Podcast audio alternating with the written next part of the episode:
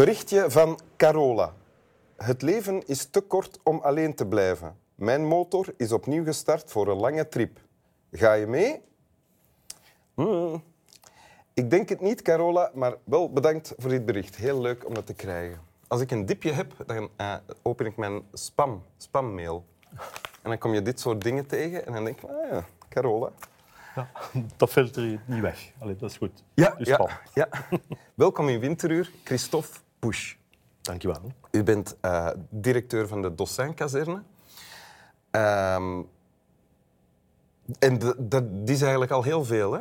De Dossin-kazerne in Mechelen. Kan je heel kort zeggen wat dat is voor mensen die het niet weten? Het is eigenlijk de plaats waar tussen 1942 en 1944 meer dan 25.000 mensen van Joodse origine naar Auschwitz-Birkenau zijn gebracht. En waar eigenlijk slechts 5% die holocaust, de moord, de genocide, overleefd heeft. Ja. Maar dat bestaat nog altijd? Het is nu een museum? Ja.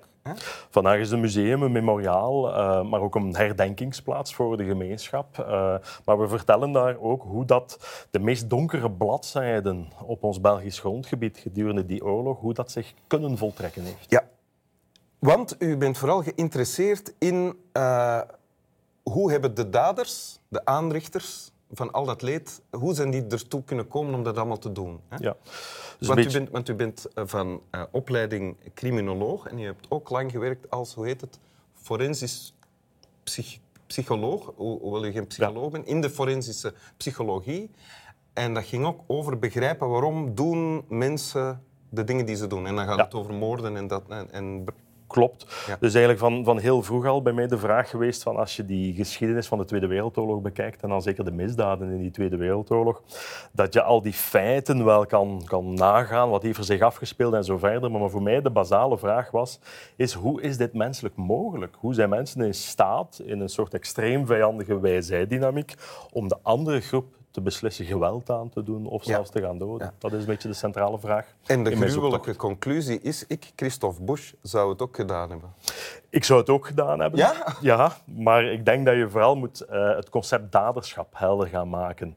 In die zin, we denken bij daders heel vaak de kampcommandant of de kampbeul, maar dat gaat van architecten, planners, uh, mensen die de voorbereiding doen. Dus daderschap is veel breder ja, ja. dan alleen maar de misdaad zelf ja. plegen. Oké, en het uh, fragment dat u gekozen heeft sluit naadloos aan bij waarover we al aan het praten zijn, denk ik. Klopt. Wij, de leden van het Zondercommando, hebben al lang een einde willen maken aan ons afschuwelijke werk, waartoe we onder doodsbedreiging gedwongen worden. We willen iets groots doen, tot nu toe hielden de mensen van het kamp, deels Joden, deels Russen en Polen, ons echter uit alle macht tegen. En ze dwongen ons het moment van de opstand steeds uit te stellen. Maar nu nadert de dag waarop wij in opstand zullen komen. Hij kan elk moment aanbreken. Vandaag, morgen. Ik schrijf deze woorden op een ogenblik van zeer groot gevaar en hevige opwinding mogen de toekomst op grond van mijn aantekeningen een vonnis vellen. En mogen de mensheid zich door mijn aantekeningen ten minste enigszins rekenschap geven van de tragische wereld waarin wij hebben geleefd. Salman Gradowski, 6 september 44. Ja, Salman Gradowski uh,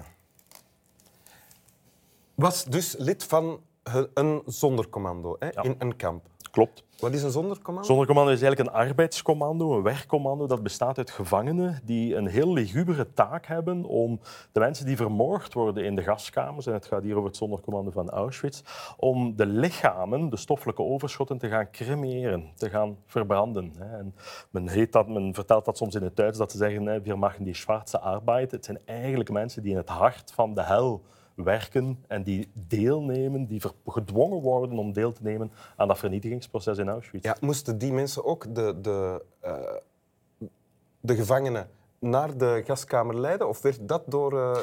waren verschillende groepen die dat begeleiden. Hè. Konvooien kwamen vaak aan op de jodenrampen in Auschwitz. Later kwamen, kwamen zij midden in het kamp aan.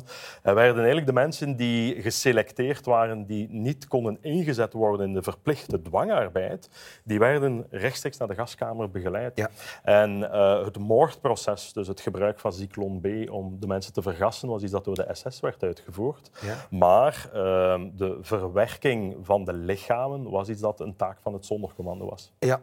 En Zalman Gradowski was dus een gevangene die daarvoor werd ingezet. hè? Ja. En heeft hij, maar heeft hij dit dan... Hij heeft dit geschreven terwijl hij in het kamp zat? Ja, het is heel merkwaardig gegeven, want leden van het Zondercommando leefden geïsoleerd binnen het kamp. Omdat zij natuurlijk bevoorrechte getuigen zijn van de vernietiging. Ja. En je wil niet dat dat verhaal buiten het kamp komt of in, in het oren van het verzet komt en zo verder. En wat zij ook wisten, dat is dat zij een tijd te leven hadden. Omwille dat zij bevoorrechte getuigen Die waren getuigen moesten worden opgeruimd. worden zij op een bepaald moment zelf ook geselecteerd om Ja. vermoord te worden. En het is die man in is erin geslaagd om ehm, in dat gruwelijke kampplaatsje waar hij zich bevond, om daar eigenlijk een notulen neer te schrijven van zijn ervaringen. En die heeft hij verstopt rondom de omgeving van het crematoriumgebouw.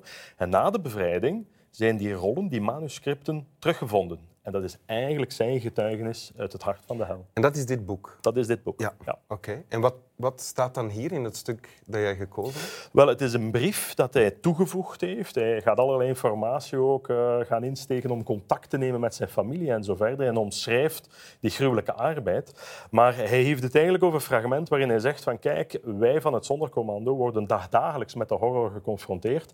En wij willen er een einde aan maken. Wij willen verzet plegen. Ja. En dat zal uiteindelijk ook gebeuren. Een goede maand later, nadat hij die brief schrijft, zal men een verzetsdaad plegen en zal men het crematoriumgebouw daar een ontploffing eh, in laten gebeuren. De mensen van het Zondercommando. De mensen van het Zondercommando doen dat met binnengesmokkeld buskruid die uit de fabrieken kwamen in samenwerking met verzetseenheden Zodanig in dat het een tijd lang die, Ja. gaska die gaskamer niet gebruikt kan Ja, worden. klopt. Eh, en dat heeft eigenlijk natuurlijk niet veel impact op het vernietigingsproces gehad, maar zij voelden heel duidelijk aan, ja, ons einde is nabij.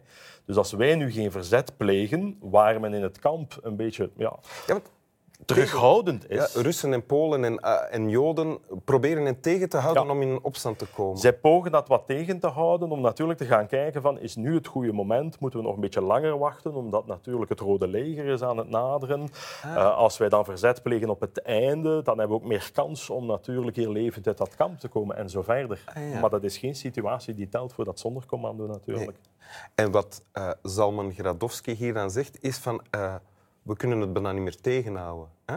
Ja, zij voelen heel duidelijk ook aan dat de toestroom van slachtoffers aan het minderen is. En dat wil eigenlijk ook zeggen natuurlijk dat dan de getuigen, zij die de bewijslast kunnen overdragen, ook zullen vermoord worden. En vandaar dat hij heel duidelijk aanvoelt van kijk, wij moeten, wij moeten interveneren, wij moeten nu in verzet gaan. En uiteindelijk zal die verzetsdaad ook zijn dood betekenen. Want natuurlijk is er een, een symbolische verzetsdaad geweest, heeft niet veel impact op het vernietigingsproces gehad, maar eh, de represailles van de SS natuurlijk heeft erin geleid dat eh, vele leden van dat zondercommando ook geëxecuteerd zijn. Ah ja, onder andere... eh, Waaronder Zalman Gadowski. dus dit heeft hij geschreven een maand voor hij gestorven is. ongeveer. Die ene brief, maar de notas zijn over iets periode geschreven, maar het is een, een uitzonderlijk manuscript. eh, die is overgebleven. Ja.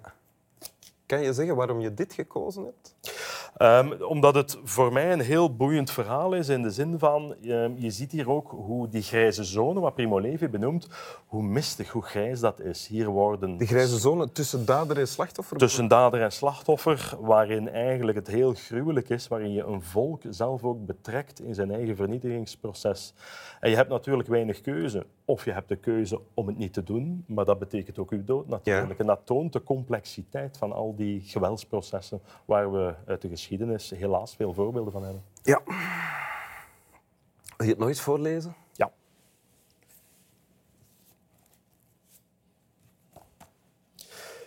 Wij, de leden van het Zondercommando, hebben al lang een einde willen maken aan ons afschuwelijke werk, waartoe we onder doodsbedreiging gedwongen worden.